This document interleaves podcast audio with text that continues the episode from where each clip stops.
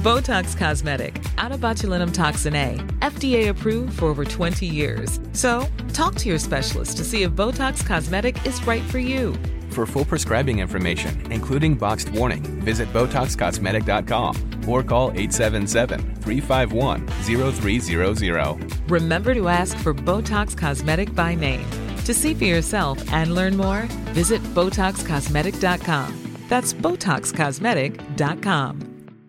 Hey, I'm Ryan Reynolds. Recently, I asked Mint Mobile's legal team if big wireless companies are allowed to raise prices due to inflation. They said yes. And then when I asked if raising prices technically violates those onerous two year contracts, they said, What the f are you talking about, you insane Hollywood ass?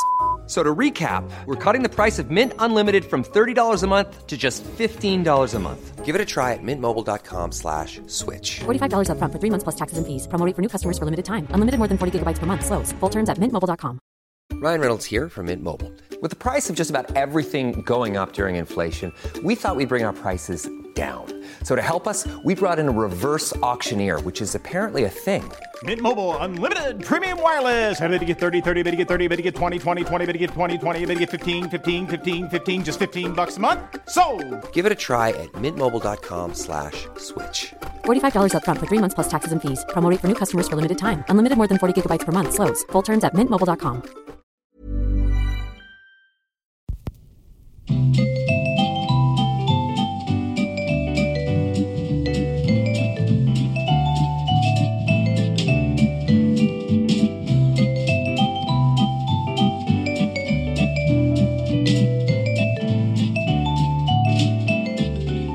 Edvard Bloms smörgåsbord.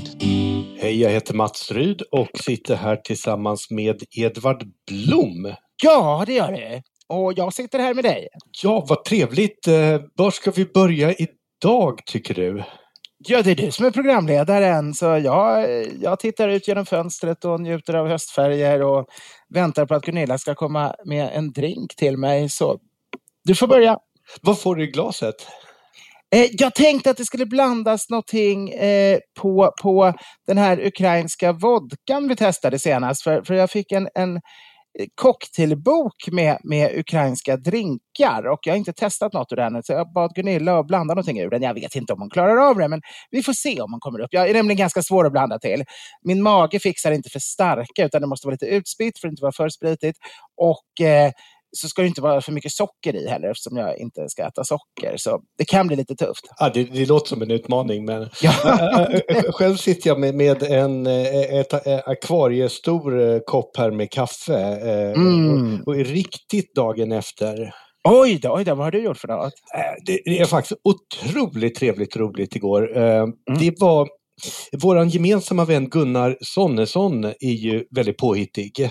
Ja, Och, och han är ju eh, eh, otroligt duktig på vin. Eh, Man kan följa honom, vinamatören kallar han sig på Facebook. Men, men det är, är han ju betydligt mer kompetent än så, än att få ett amatörsepitet över sig. även på Vivino kan man följa honom och se vad han, han lägger upp omdömen om sina viner. Ja, provar enorma mängder. Och Han är även tennisfantast och eh, ja, vi kan ju inget av sport någon av oss, men det finns en kupp som heter Laver Cup Mm. som är Björn Borg är lagledare för europeiska lagret och McEnroe för resten av världen. Ah, Så plockar de ihop ett antal spelare och så möts de under tre dagar och eh, så ser man då vilket lag som har vunnit. mm. Och då överförde Gunnar det här till vinvärlden. Så att eh, den fantastiske eh, kocken Kent tog och lagade en enormt eh, trevlig eh, måltid till oss med mängder med rätter. Och så var Gunnar lagkapten och så hade vi en eh, Erik som var lagkapten för det andra laget. Och de hade då satt ihop lagspelare för att matcha sina viner, gå i duell eh, med ett vin från varje lag till varje rätt för att se vilket som var godast och passade bäst.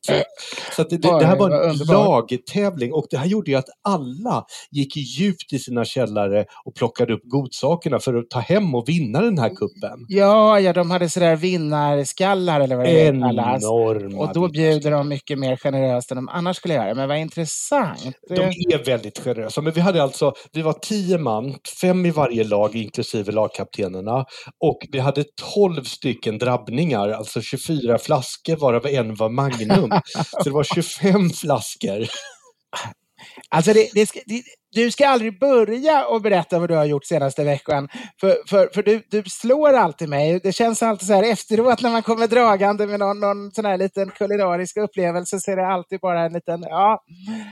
Ja, det låter fantastiskt. Det, låter... Ja, det var det verkligen. Och, eh, det, det, var ju allt från Latour 82 till eh, en Opus One 85 och ja, det var otroliga viner.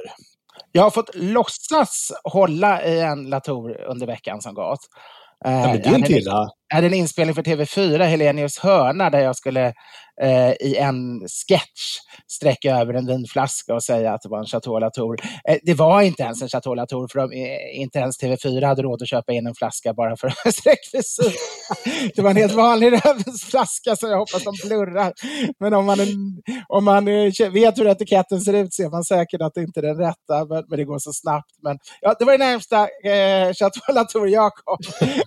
hur känns det då, att fusköverlämna en Latour? Är, ja. det, är det någonting du behöver bikta dig över eller passerar det obemärkt? Jag hade ju hellre druckit den. jag förstår. Ja.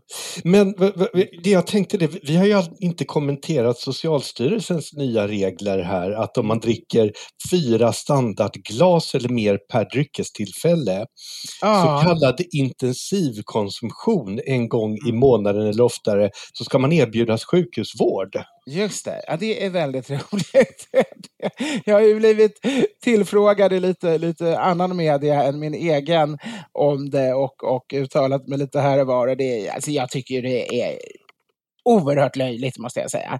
Alltså man, man kan ju säga ja, okej, okay, det är möjligt. Alltså nu visar det sig, det är väldigt många läkare som motsäger att det ens skulle kunna ha någon skadlig effekt överhuvudtaget, de här små mängderna. Men, men eh, alltså, och då menar jag alltså det man tidigare har sagt som liksom, lågkonsumtion, alltså typ en tio glas i veckan eller så.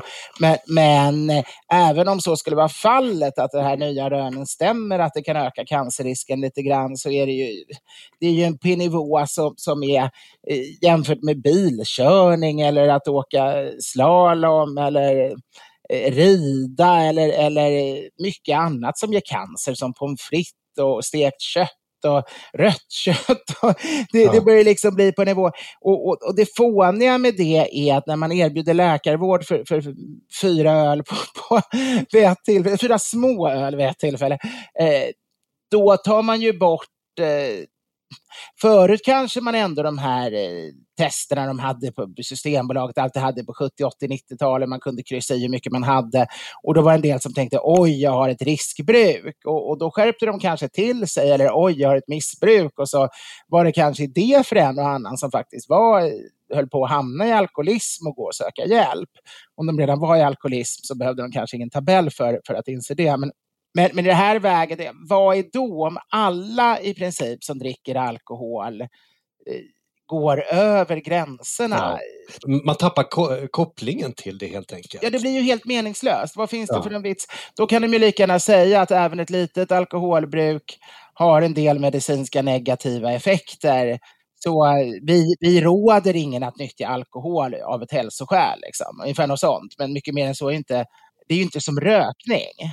Men, men tänk att du en gång per månaden går på en middag, får mm. eh, en välkomstdrink, ett, ett, glas vin till förrätten, ett glas vin till varmrätten och en ett glas dessertvin eller en avec. En, 12 mm. gånger per år och så ska det erbjudas läkarvård för detta. Ja. Det känns. lite... För där var det ganska långt över. Avecen är ju liksom en hel. En små öl är ju liksom lite mindre än en, ja. en, en, en fyra konjak. Då, blir det intensivvård, skulle ja. jag säga. Får man köra Nej, sin på bår. Nej, själv har jag väl inte levt upp till Socialstyrelsens normer de sista veckorna. Sista dygnet. Jag firade faktiskt min födelsedag här under helgen. Det var väldigt trevligt. Ja, grattis i efterskott här. Tack så mycket. Jag brukade ju ha när jag var ung, från det jag var typ 15 tills jag var 35, då firade jag faktiskt födelsedagen varje år med en sån här stort sittande bord, 40-50 gäster ihopträngda, oftast i mina föräldrars villa, helt vanvettigt trångt med alla borden för att få plats. Och tre rätter eller fyra rätter som jag hade lagat själv och massa sånger och vin. Och sen har det blivit mer och mer sällsamt. Det gick det ner till vart femte år och sen kom pandemin så det blev ingen 50-årsfest och sådär. Och i år blev det inte heller någon, någon av det gamla slaget när jag bjöd alla mina vänner. Men jag bjöd i alla fall ihop några vänner så jag hade en lite större middag sådär än, än, än bara bara, bara två, tre. Jag vet inte vad vi var, om vi var tio vuxna eller något sånt där med, och, och några barn. Så, så det var väldigt trevligt att ändå få hem några stycken och eh, en riktigt trevlig middag och trevliga viner, om än de lite enklare slagen. Och, eh, ja, allmänt väldigt, väldigt, väldigt roligt att, att få känna att man firar sin födelsedag igen. För det, för, först när man har småbarn är det ju inte så lätt att få till fester och, och, och, sen ännu mer med pandemin har det ju varit svårt. Men nu fick alla testa sig.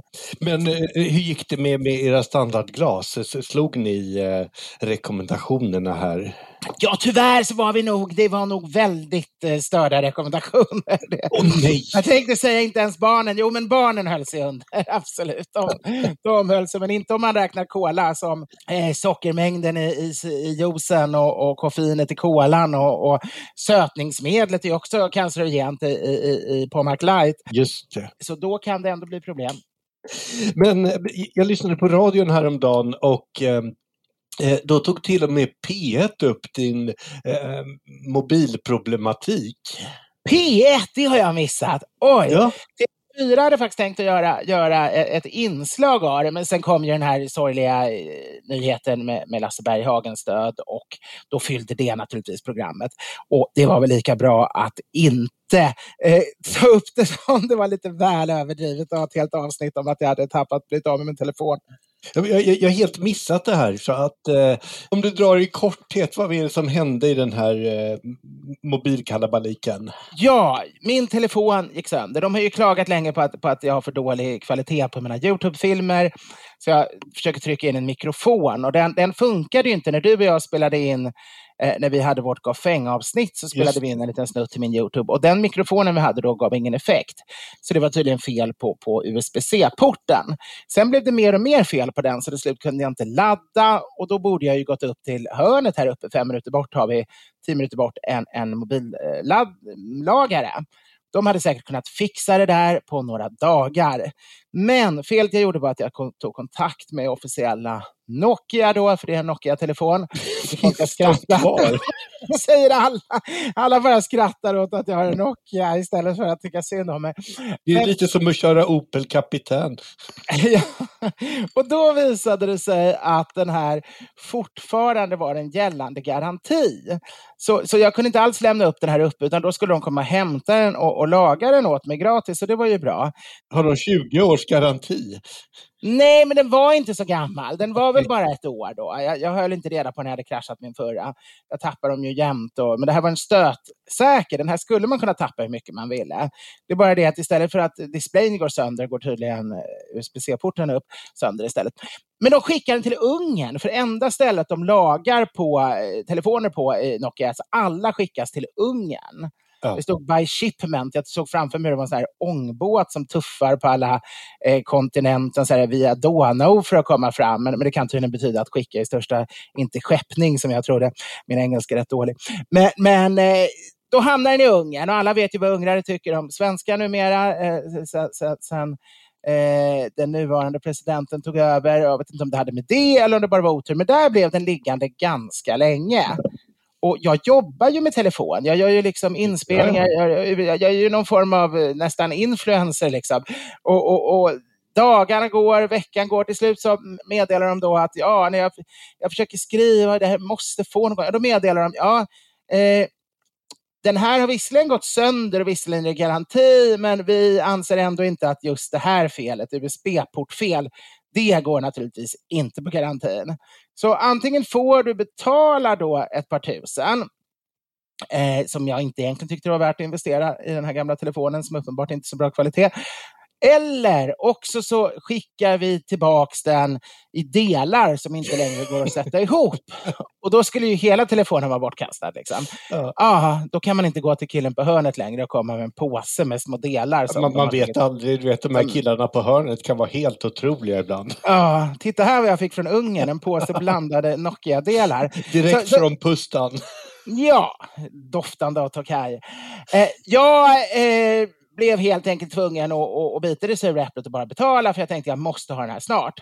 Men sen fortsatte veckorna att gå. Och, och jag hör av mig till deras kundtjänst. Först talar jag med en, en bot, sen talar jag med en person som verkar vara en bot. Och, och till slut så, så visar det sig, hennes grej är att nej, hon kan inte ta mig vidare till klagomålsavdelningen. För klagomålsavdelningen får inte kunderna kontakta. De får bara kontakta första steget liksom av, av, av kundkontakt. Och först om det hela eskaleras, då kan, kan eh, klagomålsavdelningen få kallas in. Eh, och då, och det, här, är- det här är kortversionen, eller hur? det här är kortversionen. Jag, jag vet inte exakt vad hon menar med escalating, att det liksom var tvunget att eskaleras. Men jag tolkade det som att man var tvungen att gå ut på alla sina offentliga medier och därifrån hamna i all press. Inklusive Eh, och berätta P1. att Nokia var ett skitmärke, att de helt enkelt inte kan hjälpa en om man inte först gör det. För det var, det var i alla fall min typ av eskalering. Så jag, jag eskalerade bara helvete och bad alla hjälpa mig och retweeta och sådär för att eskalera ännu mer. Och, och då fick jag faktiskt ett meddelande bara typ två dagar senare att nu hade de satt ihop den och den var färdig att skicka. Och ja, ytterligare någon vecka senare så hade den puffat på sin ångbåt över Donau och Östersjön och, och Göta kanal, allt vad det var till. Och till slut kom den hit. Eh, visserligen såg jag så här avtryck på själva, det, det stod ju då så här, att det hanteras varsamt och så var det så här badderat kuvert. Men man såg väldigt tydligt att någon hade gått på det med en gympasko, en smutsig, Ja. lerig gympasko. Så någon hade varit så sur på mig att de bara slängt det på marken och trampat på den. Men, men, men jag, så jag såg ju framför mig att den inte skulle fungera. Men det, den funkade. Men de hade ju raderat allting. Så liksom man har ju fått sätta in alla nya lösenord och alla grejer. Och, det har ju tagit någon vecka innan man är, är tillbaka. Men nu är jag tillbaks. Även, får vi se hur länge den håller. Och, och, och nu kan du pusta ut. Ja, precis. Nu kom ungerska skämtet här. Nu får jag inte dra några Göteborgsvitsar på ett halvår igen. Enligt gamla regler. Men vad gör man då? Då, då, då dricker man glögg, eller hur? Och, och, och då, då beställer man din glögg. Får man säga det i podden eller blir du fälld då? Eh, man får inte uppmana någon att beställa, men man kan, kan berätta att den går att beställa. Det, går att beställa din glögg. Och, Ja, jag har ju då en egen glögg som heter Edvard Bloms maffiga och mysiga glögg. Jag får absolut inte säga att den är maffig och mysig, men det är en del av namnet på själva etiketten, så jag kan ju läsa upp det inom citattecken. Det är bara ett namn, har ingenting med innehållet att göra. Eh, och den kan man beställa och det tar ungefär en vecka och då kommer den antingen till en systembolag, den så kallade ordervara, eller till en eh, systembolagsombud. Eller så kan man ju få det hemkört numera. Och där förväntar jag mig genast en, en, en Matsvits igen. Nej, nej, nej jag, jag, jag får ju inte nu här på Nej, ett halvår så- igen. så Jag, jag har ju bränt det med, med mina pustan-skämt här som, Precis. som var så låg nivå så att jag ångrar det redan. Det hade ju varit roligt om Systembolaget själva hade haft en reklamkampanj, men numera kör vi hemkört. Men i alla fall, man kan ju få hem, hem, hemlevererat. Och eh, då tar det också ungefär en vecka, om jag minns rätt. Det är upp till åtta arbetsdagar, tror jag. Men oftast går det snabbare. Och eh, ja, då är det en glögg som andra får berätta hur det smakar. Eh, men jag har tagit fram den. Den är väldigt traditionell och den är ja, väldigt smakrik, kan jag väl i alla fall säga. Får man det? Eh, Ja, jag tror det. Det betyder om det inte är ett positivt omdöme. Utan Men bara... smakrik kan ju tolkas positivt. jag skulle faktiskt kunna citera någon som, som skrev ett omdöme här. Eh, för det var inte positivt. Eh, Mm. och, och då kan jag, eh, jag ska se om det var på Facebook tror jag. Ge mig någon minut här ska jag se om... om, om. Vad tråkigt att höra. Det var någon som inte tyckte om glöggen. Ja, men jag tyckte ändå det var ett ganska bra beskrivning av den. Jag kanske inte ska säga namnet. En, en, en dam här. Eh, ser ut att vara i sina bästa år. Jag har prövat den. Den var beep, för det här var något halvpositivt. Men något för mustig för min smak. Men alla tycker olika. blir man ju lite nyfiken. Får man vara det? Ja, Eller åker man dit på det om man är nyfiken? Det vet jag inte. Ja, då, då, då vågar jag inte säga om jag är nyfiken eller inte. ah. Då får man. Men från glöggen så tycker jag att vi hoppar rakt in på dagens tema. Vad tror du om det? Jo, men det låter väl jättebra. Jag, vet knappt ens vad det är nu. Vi har blandat ihop alla, alla mina projekt för tillfället. Uh, ukrainsk mat och dryck. Mat Ja. i alla fall. Och vi, vi, vi har ju fått en fråga om det här Mm. eh, och har ju lovat att besvara det, men att ingen av oss kändes tillräckligt säkra på ukrainsk mat att vi kunde eh, ta upp er tid och sitta och prata om det. Nej. Och jo, här ska vi se. Hej! Tack för att ni tar upp poddandet igen. Just i vår dystra samtid känns en oas av livsglädje och livets små njutningar extra välkommen. Eftersom Ryssland för närvarande bedriver ett utplåningskrig mot Ukraina och dess kultur är jag nyfiken på den senare. Vilka kulinariska delikatesser och dryckestraditioner härrör härifrån? Känner Edvard till någon historia på området? Vänlig hälsning Mattias Svensson. Ja, och nu gör jag det, för nu har Ja. jag ju läst på. Och jag har läst på både i en gammal bok vi har som Eh, heter Rysk mat från 1971 i serien All världens maträtter. Och då undrar ni, men rysk mat, det var ju Ukraina det skulle handla om. Ja, då finns det ett helt kapitel som handlar om ukrainsk mat och ett helt som handlar om, om eh, eh kazakstansk mat och eh, det står här Kaukasusköket, baltiska ländernas mat, eh, centralasiatiska kök etc. Och allting kategoriserar då in under rysk mat. Och det, det är ju lite märkligt, det kunde ju stå sovjetisk mat möjligen då. Eh, Men så fort jag kollade, jag ondgjorde mig över det här när jag satt, det var egentligen ett jättebra kapitel om ukrainsk mat, men jag ondgjorde mig när jag läste det här att, att, att man hade kallat det så. Och så kollade jag lite grann i förordet och då är det en stackars georgier som har skrivit det. Eh, Georg eh, Papashvili har skrivit det hela. Och eh, hela förordet handlar om hur otroligt dumt det är att han av förlaget är tvingad att kalla det här för rysk mat. För han hade åtminstone velat få in någonting rysk mat, flera kök eller olika östeuropeiska kök eller sovjetisk mat. Eller, han tyckte naturligtvis också det var helt galet att både Georgien, Ukraina och Estland, Lettland, Litauen skulle kallas ryska. Men, men ja, så kunde det gå till. Ja, Eh, var var det ett stats, statskontrollerat förlag? Nej, det var nog ett svenskt förlag som trodde svenska förlaget? sovjetisk mat skulle sälja dåligt helt enkelt. Eh, Och, och det skulle bli för krångligt att förklara för folk. Utan då, rysk mat, det sålde bättre. Men sen har jag uppdaterat mig också. Jag har fått hem en bok som heter Smak, fast med C, smack, eller hur det uttalas, av Anastasia Lundqvist och Anja Alvin. Och det är Smak, vårt ukrainska kök från Ordfront. Och den är rykande färsk. Det är kanske någon som redan har sett små omdömen i dagstidningarna, men, men den kan jag verkligen rekommendera. Det är alltså en tjock ukrainsk kokbok som har kommit nu eh, alldeles på svenska och den, ja, den handlar lite grann om hur, hur naturligtvis nämns idag, hur, hur det går att få fram mat och sånt i Ukraina trots kriget och, och den är väldigt i sin tid därför och mitt i denna hemska situation som kriget innebär. Men innehåller också jättemycket trevlig information om ukrainsk mat och härliga recept. Eh, så det har jag använt mig av. Dessutom har jag faktiskt en, en eh, ukrainsk eh, vodka, eh, en bok om vodka-cocktails, men den har Gunilla nu lånat för att blanda mig i min drink. Så vi får se när Du har inte fått med den än? jag har inte fått den än. Det, det här börjar bli det här utdragna avsnittet som aldrig... Vi har aldrig haft ett sånt här avsnitt tror jag så nyktert, för jag, förutom under fastan. Då. Ja. Men Det, annars, det blir ett Samuel Beckett-avsnitt det här i väntan Mm. på din drink. Men så nu skickade faktiskt Gunilla, om ni hörde plinget så var det att de skickade ett foto över Facebook. Som, har jag riktigt tur så är det ett foto på min drink. Nej, nej det var det inte. Nej, det var, oj, nej, det var också... ja. Det var, det, var ett, det var ett foto på boken som hon hade läst något intressant. Jaha. Ja, Vad- ska du göra med den bilden? Ja, eh, den behöver jag inte så mycket för jag eh, visste redan att, att vodka hette horilka, på, eller hur det uttalas på, på ukrainska. Men jag kan ju komma in på maten istället. Ja. Och, och då har jag läst på lite Och en grann. liten för att kunna sammanfattning här av, Ja. allt du läst igenom här. Och man kan ju säga att det finns ju inte så många rätter som man direkt bara som västerlänning eh, eh, säger, wow, liksom, det där är en känd ukrainsk rätt.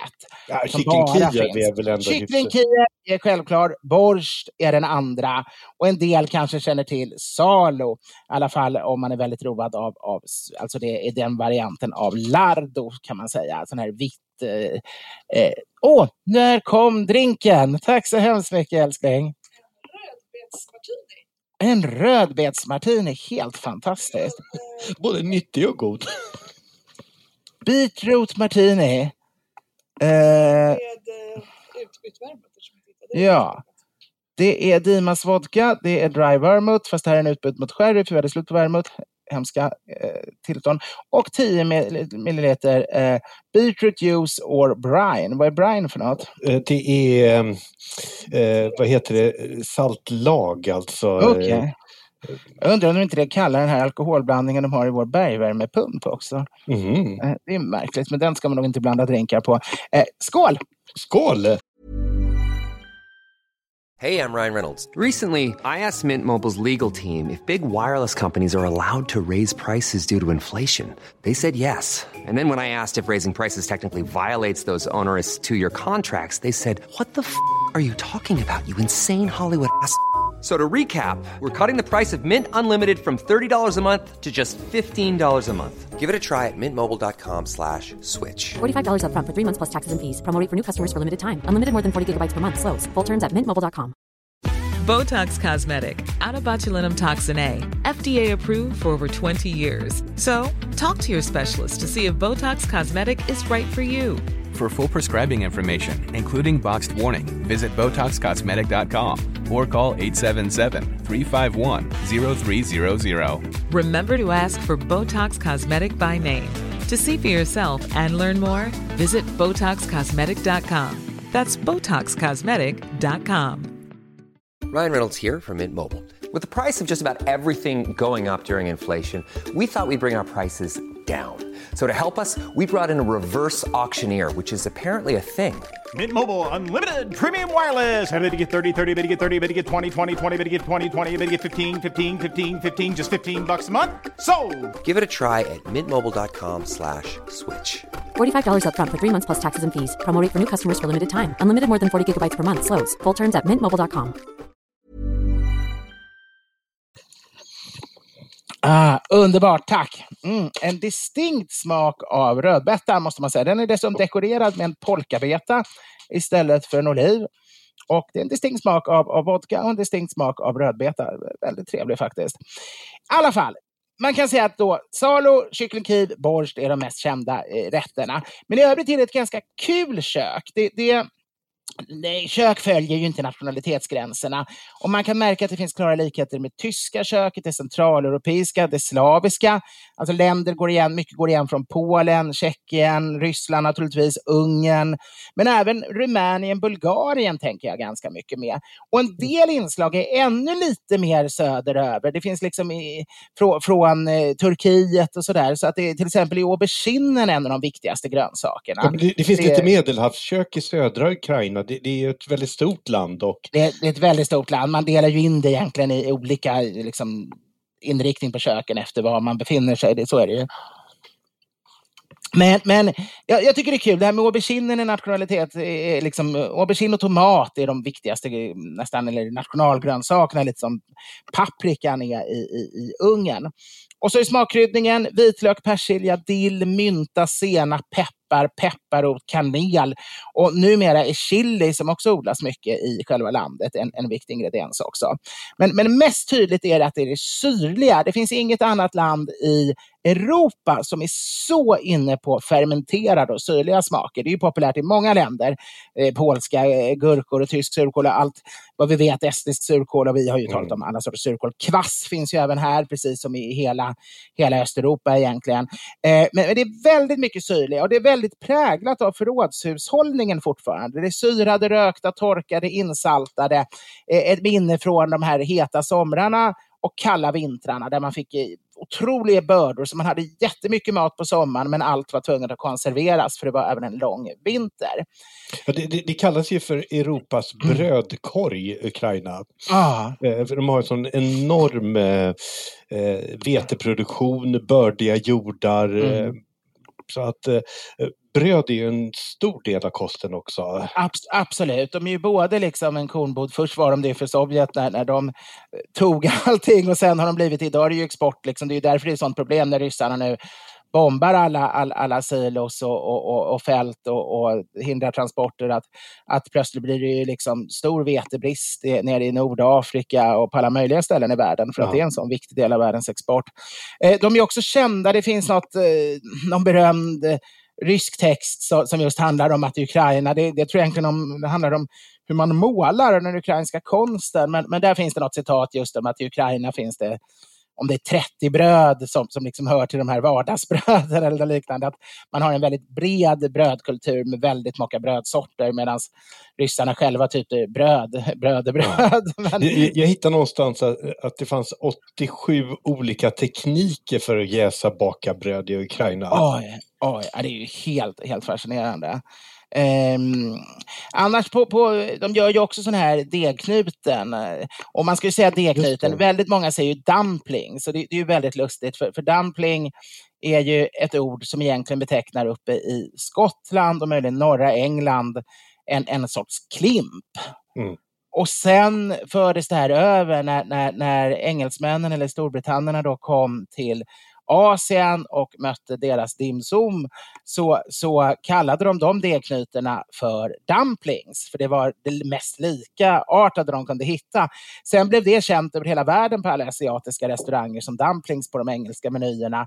Och idag säger folk dumplings som polska kokta piroger, ja. om, om ukrainska... Det har gått från Skottland till Asien till Ukraina. Ja, ver, Verennyky heter det egentligen där. Men, men eh, kokta piroger Råger är väl egentligen, eller D-knuten är väl, är väl det man skulle säga på svenska egentligen. Eh, men det är också stort, men det är nog ganska likt de polska. Torkad fisk eh, har de mycket och de har smetana i enorma mängder. Mm. Eh, det, det, är tydligen en sån här allround-sås till, till det land som använder allra mest, alltså syrad grädde också. Och så sidfläsk, eh, men ganska små mängder kött historiskt.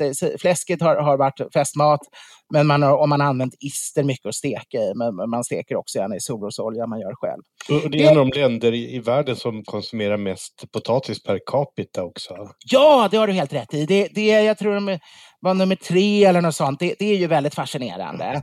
Trots att man alltså har en sån enorm veteproduktion.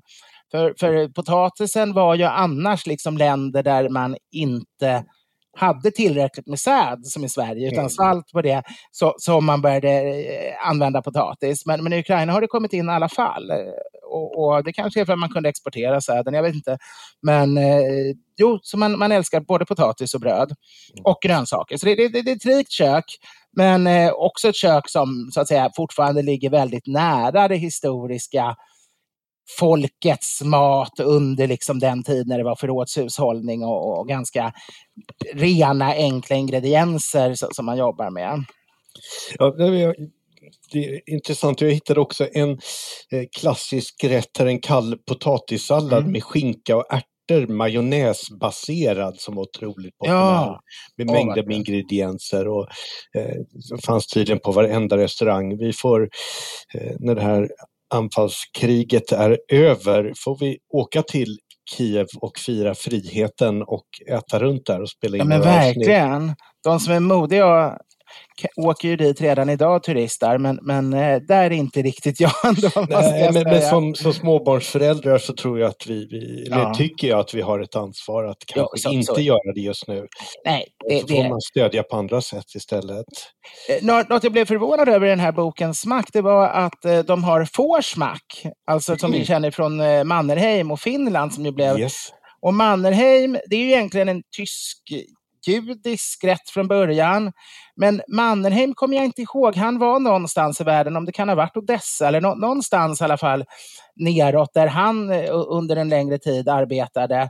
Eh, och det var där han fick smak för den på mässan mm -hmm. där och sen så lärde han eh, sin restaurang då i, i Helsingfors och och eh, laga eh, Forsmark och sen därigenom blev det en finsk nationalrätt.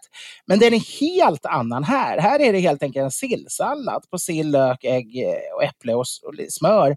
Medan den finska ju innehåller massa köttfärs och är varm och, och är så, så det där är, alltså Forsmack skulle vi nästan kunna ha som tema någon gång, för det tror jag man skulle Ja. kunna gå djupt in på. Och så dricker vi lite Marsken Rytbin. Man blir alltid glad när man får dricka den. Ja, det blir man faktiskt. Ja. Och därmed har vi, vi har ju inte kommit in på drycken i Ukraina. Nej, men, men jag, jag kan ju nämna lite om vinproduktionen där. Ja, men det var precis det jag hoppades att du skulle göra. Ja, men vilken tur, för att den härstammar från 300 år före Kristus. Och eh, så har det funnits en vinproduktion där. Och eh, de- den har spridit sig eh, till, till stora delar av Ukraina. Och det som är intressant tycker jag här, det är att man hade en enorm sovjetisk produktion. Eh, Alltså man hade 1000, eller 150 000 hektar tog man och odlade vin och gjorde ganska vidriga, sötfriskiga viner. Eh, som Ah. skulle säga, smått odrickbara. Ah. Eh, och eh, sen var det Gorbatjov som rev upp de här vingårdarna. 80 procent tog och eliminerades som en del i en anti alkoholkampanj. Eh, 85 till 87. Han jobbade väldigt för att göra, göra ryssarna nyktrare, eller sovjeterna Ja. nyktrare. Och eh, idag finns det ungefär tre, 36 000 hektar av de här 150 000. Och hälften försvann med annekteringen av Krim. Ah, ja. Eh, och, eh, men samtidigt så tillverkar man just halvsöta viner och dessertviner där. Så att i övriga Ukraina så har man riktat in sig mer mot närmandet av väst sen kriget och Mm. vinerierna har även börjat tillverka mer torrare eh, västerländska viner än de här söta och eh, eh, stor del av produktionen är även mousserande vin. Mm. Men man har jätteproblem för att det är väldigt mycket minor som är nedgrävda i de här vingårdarna så att de inte kan brukas. Eh, och en hel del av utrustningen är förstörd. Och det, det Mm. finns 110 vinerier i hela landet som tillverkar 165 miljoner liter vin. Oj, så det är väldigt stora enheter? Ja, det, det, det är det. Och det, det kan man väl tänka sig att det är en kvarleva från Sovjettiden när det var stora skalig eh, produktion. Kvantitet är också en kvalitet. Mm. Jag beställde hem några stycken faktiskt nyligen som var, var riktigt trevliga. Men jag, jag, jag drack upp dem, jag borde väl ha sparat dem eller gjort anteckningar eller någonting. Men jag kan bara säga att det finns ju ett gäng på systemet eh, numera. Systembolaget själv har inte tagit in någon mig veterligt utan det bygger på fria importörer som då får in dem som ordervaror eftersom Systembolaget inte har rätt att säga Och, nej. och. Systembolaget har ju en policy att man inte ska stödja länder, regioner, områden Mm. genom konsumtion av alkohol. Nej, nej, det är så de gör. Ja. Simrishamn får man stödja. Simrishamn får man, stor produktion. Har du något mer att Mm. säga om ukrainsk mat eller? eh? Nej, nu kan jag naturligtvis säga hur mycket som helst, men, men jag tänkte faktiskt läsa upp ett litet brev. Det är ju du som brukar läsa eh, våra lyssnarbrev, men det här kom hem eh, på, med bläck och papper hem till mig. Mm. Hej Edvard och Mats! Jag är en trogen lyssnare av podden och blir så glad att, ni, att få njuta av nya avsnitt då och då. I pur glädje över detta vill jag ge er varsin av mina hemslöjdade flasköppnare. Och med det jag hoppas att ni öppnar något gott i nästa avsnitt. Tack för det härliga podd. Allt gott. Rickard Lundgren i Strömfors. Det var ju väldigt trevligt. Du ska få nästa gång vi ses fysiskt ska du få en sådan flasköppnare. Det är liksom en sorts träpinne med en skruv i som man kan då öppna ölflaskor. Jag har prövat dem, fungerar väldigt bra. Gud vad trevligt. får vi tacka så hemskt mycket. Mm. Ja, Jag dricker ingen öl just nu, men jag lovar att öppna i, i, vid tillfälle. Här, Men, men ska vi hoppa över till något helt väsensskilt? Ett totalt lappkast. Fladdermös! nej, nej. Får man säga lappkast eller är det politiskt inkorrekt? Jag tror det fortfarande är tillåtet, men man kan aldrig veta. Nej, det tycker jag. Eh. Jag tycker det är jobbigt när man på grund av okunskap säger fel samtidigt som man alltid måste se på uppsåtet. Och, Ja. Och om vi, jag sa fel där så fanns det inget ont uppsåt. Utan jag, jag försökte bara göra en kovändning till Men, men fladdermöss. uppsåt eh, räknas inte in, tror jag, i wookiekulturen. Jag, jag tror att det anses lika illa om man säger någonting för att man gör av misstag och inte tillhör den elit som har lärt sig kodorden som om man gör det av ont uppsåt. Kanske man Så ska, har jag pu- uppfattat i alla fall. man kanske ska pudla proaktivt i så fall. ja, det, det, är så bra. Ja. Be om ursäkt för sin jag brukar alltid tänka på det när jag biktar också. Det vore väldigt praktiskt om man kunde bikta i förväg. Men ja, det får man ju Ja. verkligen inte göra. Men, men, nu blir det ju inte fladdermöss, utan det blir färsskillnader. Färskskillnad, vad intressant. Ja, och det är från Malte Anström i Göteborg. Mm. Ja. Hej! Jag har undrat ända sedan jag var liten på vad de väsentliga skillnaderna mellan köttbullar, pannbiffar och järpar är. Är det bara i olika former? Tack! Från Malte Anström i Göteborg. Ja, Ja, Nej, alltså det. det är exakt samma. För, för man kan se, det finns ingenting, det finns ju väldigt många olika naturligtvis recept på köttbullar, järpar och, och, och, och, och köttfärsbiffar.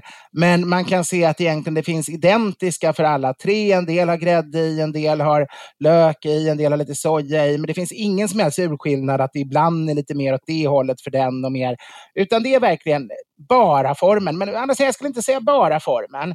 För det var, hur många sorters pasta finns det i Italien? Kan det vara hundra former med samma deg? Just för att det smakar olika när man gör olika former. Eh, det blir annat om man har små köttbullar eller stora. Alltså det, mängden stekyta i förhållande till, till helheten blir helt olika. Och mängden som inte alls når särskilt hög temperatur utan är, är väldigt saftig eh, blir skillnaden stor rund sak eller avlång så, så har du det här mjuka i mitten och det krispiga på utsidan. Små köttbullar är ganska jämna. Hamburgaren har man ju, eller biffen har man gjort platt. Så det, jag skulle säga att det, det är inte helt oväsentligt, men, men det, egentligen är det samma. Enda skillnaden är att järpar kan man ju även fylla. Det finns till exempel persiljejärpar som min mormor alltid gjorde fantastiskt med. med eh, då har man persiljesmör man lägger en klick i mitt i järpen innan man stänger den. Och då blir det ju en helt annan rätt. Då Ja. smakar det ju helt men, jag tänker pannbiff kan man ju också fylla med lite fetaost eller... eh, Ja, men det, är inte, ja, det går inte att fylla dem helt. Men, men det, man har ju de här turkiska som ser ut som järpar. De, de, eller grekiska och turkiska, de här som, som lamm, lamm, eh, biffarna liksom. Men de är oftast avlånga också. Och de fyller ju med fetaost gärna. Och Men fylla. om, om vi säger så här, att du fick bara äta antingen köttbullar, pannbiffar eller järpar livet ut. Mm. Vilken hade du valt? Kanske köttbullar av historiska skäl. Liksom. Eh, samtidigt älskar jag till exempel min pappas eh, köttfärsbiffar, men de är speciella för de han har ganska stora bitar av lök. Och när han då steker dem ganska kraftigt så blir det nästan lite svartbränt lök på sidorna. Och det är en helt annan smak. Så jag skulle helst äta alla. Järpe är också roligt för det, det kommer ju alltså av fågeln järpe Just en det. liten hön, hönsfågel eh, så, som man då har jagat och ätit som, som småfågel. Och när man då tagit bort ben och huvud och sådär och, och steker bara de små kropparna, då har de den där lilla formen. Så det har varit en av alla de här försöken att liksom lite grann få det att se finare ut än, det, än, än vad det egentligen är. Man har egentligen färs, men det ska se ut som små, små fåglar man äter. Precis, men om, om, okej, men om du snabbt måste rangordna dem. Köttbullar, Mm. pannbiffar, järpar 1, 2, 3. Ja, nej, jag tror inte jag fixar riktigt det. Alltså, köttbullar har ju den flest, den, den är ju viktigast i den svenska kulturhistorien. Det är ju liksom vår mest kända rätt internationellt. Så jag kan ju inte gärna ta bort köttbullarna. Eh, kanske att köttbullar är allra godast, men samtidigt om, om man persiljejärpar som jag alltid fick hos mormor är ju otroligt gott för att det är persilja i som sagt. Och, och, och, och, och pappas eh, pannbiff är också väldigt god. Så men, men, jag, jag äter helst delad tre. andra plats mellan pannbiffen och. Ja, ja, kanske så. I- Jag tänkte, vi har, innan vi avslutar här idag, så eh, vart skickar man sina lyssnarfrågor? Podden at edvardblom.se. Och vi har läst alla frågor som har kommit in och vi jobbar stenhårt här nu på att besvara dem. Ja, absolut. Hinner vi ingen fler idag? Jo, vi, vi- har en jätteviktig som vi måste Okej. ta. Mm. Hej! Roligt att ni är tillbaka med nya avsnitt, en härlig överraskning. Jag skulle uppskatta om ni kunde göra ett avsnitt när ni tar upp vad man behöver förbereda inför jul och advent som tar lite längre tid. Är passande med cirka två månader kvar. Stort tack för ert engagemang, Jonas Lagström. Mm. Och, och vi, nästa avsnitt så kommer vi prata advent lite djupare. Ja. Men, men, men det här brådskade ju den här, eh, den här frågan. Det här brådskar ju väldigt mycket. För att Ja. egentligen sen, jag förstår inte om han menar två månader innan jul eller om han menar två månader innan advent. För menar han två månader innan advent är det ju redan för sent. Men Ja. jag hoppas han menar två månader innan jul. Och jag har då satt ihop en liten lista och jag vet inte, har du också gjort det eller? Ja, jag, jag satte upp en lista på saker som är möjligt att förbereda. Ja, jag sätter upp, men då börjar jag med det som man Ja, måste göra redan Ja. nu. Och, och det är ju då, ja, den första är egentligen för sent nästan. Du måste ju ysta osten. Ja. Eh, men den blir ju inte jättegod om den bara får lagras två månader. Så jag skulle säga ysta osten inför nästa jul så får du ju snarare 14 månaders. Eh, Först måste man ju mjölka. Ja, först mjölkar man, men, men Ja. det, det, ja, det gör man ju bara några timmar innan man ystar. Och sen Mm. ystar man. Och sen får den, eh, så får, går den ner i ostformen och pressas och sen ska den ligga och lagras. Eh, sen måste du slakta. Eh, det är lika bra att, att skära halsen av grisen redan nu. Eh, när du har slaktat så ska du salta in. Allt Mm. du ska salta in själv som skinkan och knorren, grisfötterna och, allt som ska vara rimmat egentligen i huvudet om du tänker göra sylta på det. Det är ju väldigt mycket, Trynet. nästan allt. Ja, allt nästan ska, ska, ska rimmas. Så det, det tar ju tid. Sen måste du göra de korvar, vanliga färskkorvar kan du göra betydligt senare. Men alla korvar som ska vara torkade eller rökta, medvurst, eh, spickekorv, prickig korv, rökta korvar, torkade korvar av olika slag. De måste också göras nu. Och även all annan rökning kan vara bra att sätta igång. Eh, röka gås, rösa skin- röka skinkor, hjärtan, fårfioler. Det är inte så bråttom, men, men det börjar också närma sig lite. Julölen bör sättas, särskilt om du har en sån här stark mörk öl som mår bra av att få, få ligga till sig lite grann, som du liksom inte vill, vill ta direkt från, från jäskaret och börja dricka, utan som ska få ligga på fat eller flaskor och, och bli bättre. Eh, den kan man ju också göra redan nu till nästa år egentligen, för ett, ett års lagring är ju, är ju verkligen inget fel där. Om du ska göra egen lutfisk och inte tillhör de som köper torrfisk och, och, och lutar, för då kan du vänta till annan dagen, utan du verkligen ska fiska fisken, eh, skära filéer och torka de här filéerna ut, Mm. utan salt. Eh, då är det jättebråttom. Surkål kan vara dags att göra nu. Sillen samma sak. Om man bara köper saltsillfiléer och lakar ut och, och, och sen gör inläggningar på, ja då räcker det ju en vecka före jul. Men om du vill salta in det, du ska fiska sillen och, och salta in den, du måste åka ner till västkusten först och främst. Eh, men, men då är det också bråttom, för det tar tid att få sal- eh, sillen att bli sådär riktigt liksom eh, torr och hård som den blir av insaltning innan man, man blöter upp det. Engelsk fruktkaka, samma sak där som, som ölen och osten. Helst skulle du gjort det för ett år sedan. Men den är fullt ätbar, lagrad bara två månader. Ja, och, och då kan man göra två så har man till nästa år. Det är jättesmart. Det är en jättegod idé. Eh, pepparkaksdegen, inte jätteakut, men en pepparkaksdeg mår bäst av att stå ett par veckor innan man bakar pepparkakorna. Och vill du ha pepparkakor inte bara till Lucia, utan du vill ha dem till första advent, ja, då kan du ju det, i alla fall fundera på, på recept och, och inköp. Glöggesansen, en, en glöggesans kan man göra på lite olika sätt, men, men den mår oftast bra av att stå i alla fall en månad eh, om man alltså gör glögg med köglögg på olika sätt. Men gör man egen glögg istället för att beställa som ordervara från Systembolaget som vi talade om tidigare, så, så lägger man ju bäst alla kryddor i sprit. Och så låter man dem stå någon månad och sen silar man av och då har man en kryddessans man sen kan använda under hela advent och jultiden. Ja, och- där kan vi lägga sin eh, saffran i eh, rom till exempel också inför Ja, lussebaket är det dags för nu också. Jag fick en härlig eh, glöggesans ett år av, av Carl Schlüter, eh, för dessa, eh, Miljöpartiets för detta EU parlamentariker eh, som är en god vän. Och han, han är ju gammal kemist, så han Mm. har ett recept där man håller på hela året. Och så har man olika, för att man drar ut olika smaker i olika procent. Så jag kommer inte ihåg om han börjar på 97 eller om han börjar längst. Jag tror han börjar på den högsta, börjar och drar med 97 och sen för varje månad späs det och på slutet kanske drar ut i typ 35 eller något. Jag ska inte svära, jag är säkert inte hans recept full rättvisa, men grundprincipen är att kryddorna ska få dras i olika höga alkoholkoncentrationer och därmed får man ut fler ämnen, fler smakämnen än man annars skulle få ut. Så det, det blir en jätteintressant glögg kan jag säga. Men vet du vad vi är tvungna att göra? Vi är tvungna att fortsätta i nästa avsnitt. Vi- Om glögg? Nej, om, Nej, om om det. advent. Du menar det du ska berätta som, som man måste göra nu? Nej, men alltså överhuvudtaget så behöver vi, vi kommer vi prata mer om advent och jul och, Det kommer vi göra. Det- vi i, kommer i nästa prata. avsnitt. Och, Ja. eh, eh, så att man fick inte säga att man skulle beställa din glögg utan... Eh, men Man däremot, kan beställa min glögg. man, man kan göra det och sen är det viktigt överhuvudtaget oavsett vilken dryck man kan beställa eller vill beställa eller att man gör det i god tid för att när det blir sådana här högtider så kan det ta lite tid för Systembolaget att leverera och det är alltid roligt att titta bortanför ordinarie sortimentet och Ja, är- öppna lådan in till beställningssortimentet och se vad som finns där. Verkligen. Och man kanske inte Men- har hela sortimentet på sitt lokala systembolag. Nej, det har man ju sällan. Det, det är också så om man gillar någon person väldigt mycket och tycker just den här eller dryck väldigt mycket, tycker att det vore kul att den fanns på systemet. Då handlar det ju om att beställa tidigt och ofta. Det, det är då man kan lyckas slå de här parametrarna så det kommer upp på en systembutikshylla. Men det är väldigt, väldigt svårt så det är inte så ofta någon lyckas med det.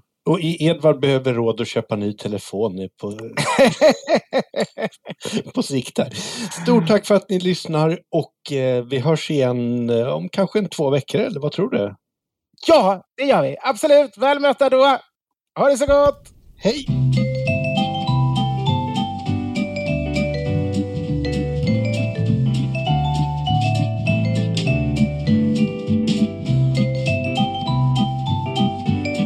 Producent var Henrik Insulander på Tonic Produktion AB.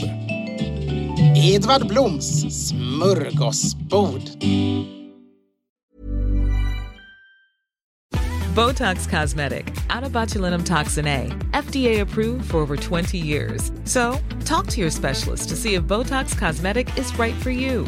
For full prescribing information, including boxed warning, visit BotoxCosmetic.com or call 877-351-0300. Remember to ask for Botox Cosmetic by name. To see for yourself and learn more, visit BotoxCosmetic.com. That's BotoxCosmetic.com.